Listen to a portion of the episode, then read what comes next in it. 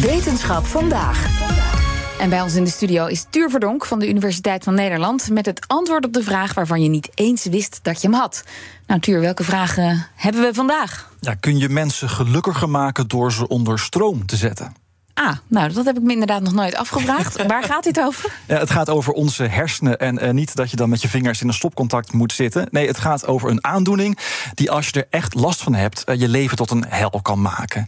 En waar elektriciteit misschien wel eens het antwoord zou kunnen zijn. Ik heb het over uh, tinnitus. De aandoening waarbij je continu de hele tijd een storend geluid hoort. Dat er in werkelijkheid meestal helemaal niet is. Uh, vaak als gevolg van gehoorschade. Ik zei trouwens zelf altijd uh, tinnitus. Uh, maar wij spraken met biomedisch wetenschapper Wouter Serdijn van TU Delft. Die zegt tinnitus, dus nu weet ik het is tinnitus met een e. hardnekkig oorsuizen. En waar komt dat nou vandaan? Er zijn eigenlijk twee soorten tinnitus. Objectieve tinnitus kan bijvoorbeeld veroorzaakt worden... doordat er iets in je middenoor, bijvoorbeeld een gehoorbeentje... Eh, door een bloedvat heen en weer geduwd wordt. En dat kan je dus, als je heel goed luistert... kan je dat ook aan de buitenkant van het oor kan je dat horen. Dus uh, dat, daarmee is het dus zeg maar uh, objectief, want iemand anders kan het ook horen. In de meeste gevallen is echter tinnitus is wat men subjectieve tinnitus noemt. En is het iets wat zeg maar, bedacht wordt door de hersenen. Aha. Ja, je hoort wel eens verhalen van mensen die zeggen... ja, mijn leven is echt tot een hel geworden... door die piep of die suis in mijn oor. En mensen vallen eigenlijk gewoon uit of worden depressief. Ja, arbeidsongeschikt op zijn minst. Ja, ja, het nare is dus dat die subjectieve variant van tinnitus... Uh, dat dat geluid dus helemaal niet echt is. Het zijn je hersenen die eigenlijk je voor het lapje houden.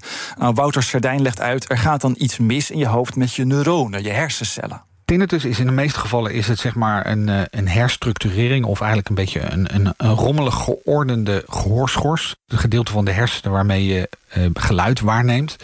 Uh, en de hersenen gaan als gevolg daarvan gaan ze het geluid eigenlijk gaan ze verzinnen. Allereerst is het heel erg belangrijk om ons te realiseren... dat er dus niet één tinnitusneuron is of zo. Het is heel moeilijk om echt precies zeg maar, aan te wijzen van... ja, oké, daar gaat het fout. Het is meestal, is, we noemen dat dan een netwerkfenomeen. Het is eigenlijk zeg maar, een groep neuronen die met elkaar staan te kwebbelen... op een, op een manier die, die niet zeg maar, de meest natuurlijke manier is. Nee, en wat Sardijn en zijn team bij TU Delft nu aan het onderzoeken zijn... is hoe je dat gekwebbel uh, kunt stoppen. En dat doen ze door te werken met kleine stroompjes. Uh, want wat al die neuronen, wat ze aan het doen zijn... Uh, die van jou, die van mij, iedereen's hersenen werken zo...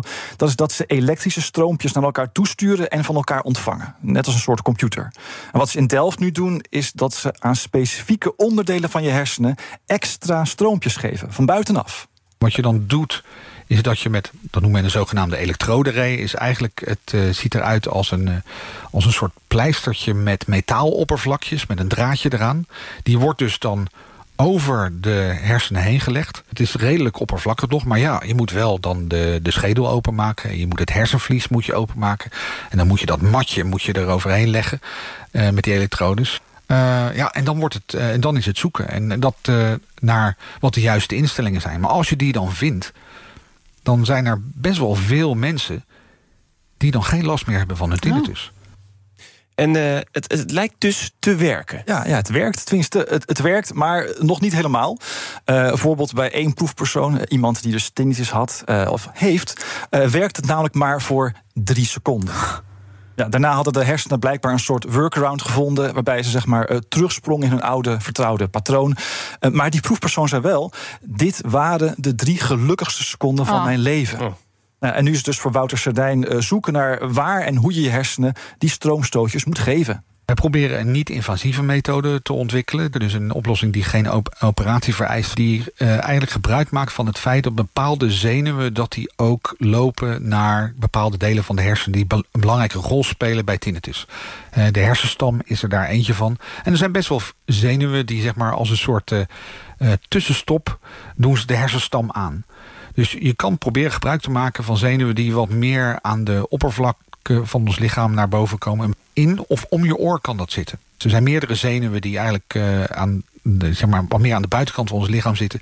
die wel een, een brug kunnen maken naar, naar de hersenen toe. Als je die op de juiste manier stimuleert... en dat koppelt, dat is dus moeilijker dan op de gehoorschors zelf... maar het bijvoorbeeld koppelt aan geluid of aan andere, andere stimuli die je ook van buitenaf kan toedienen... kan je hopelijk een genuanceerde zeg maar, input geven naar dus die gehoorschors toe. Zodat je inderdaad dus die gewenste terugorganisatie krijgt van die, uh, van die hersencellen. Ja, en dan is de laatste stap: hoe krijg je zo'n ingewikkelde techniek toegankelijk voor alle patiënten? En je kunt moeilijk een hele ziekenhuisafdeling achter je aanslepen de hele dag.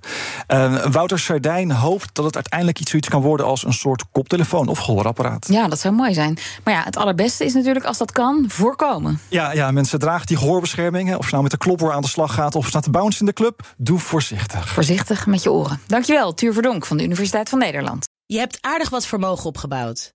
En daar zit je dan met je ton op de bank. Wel een beetje saai, hè? Wil jij, als belegger, onderdeel zijn van het verleden of van de toekomst?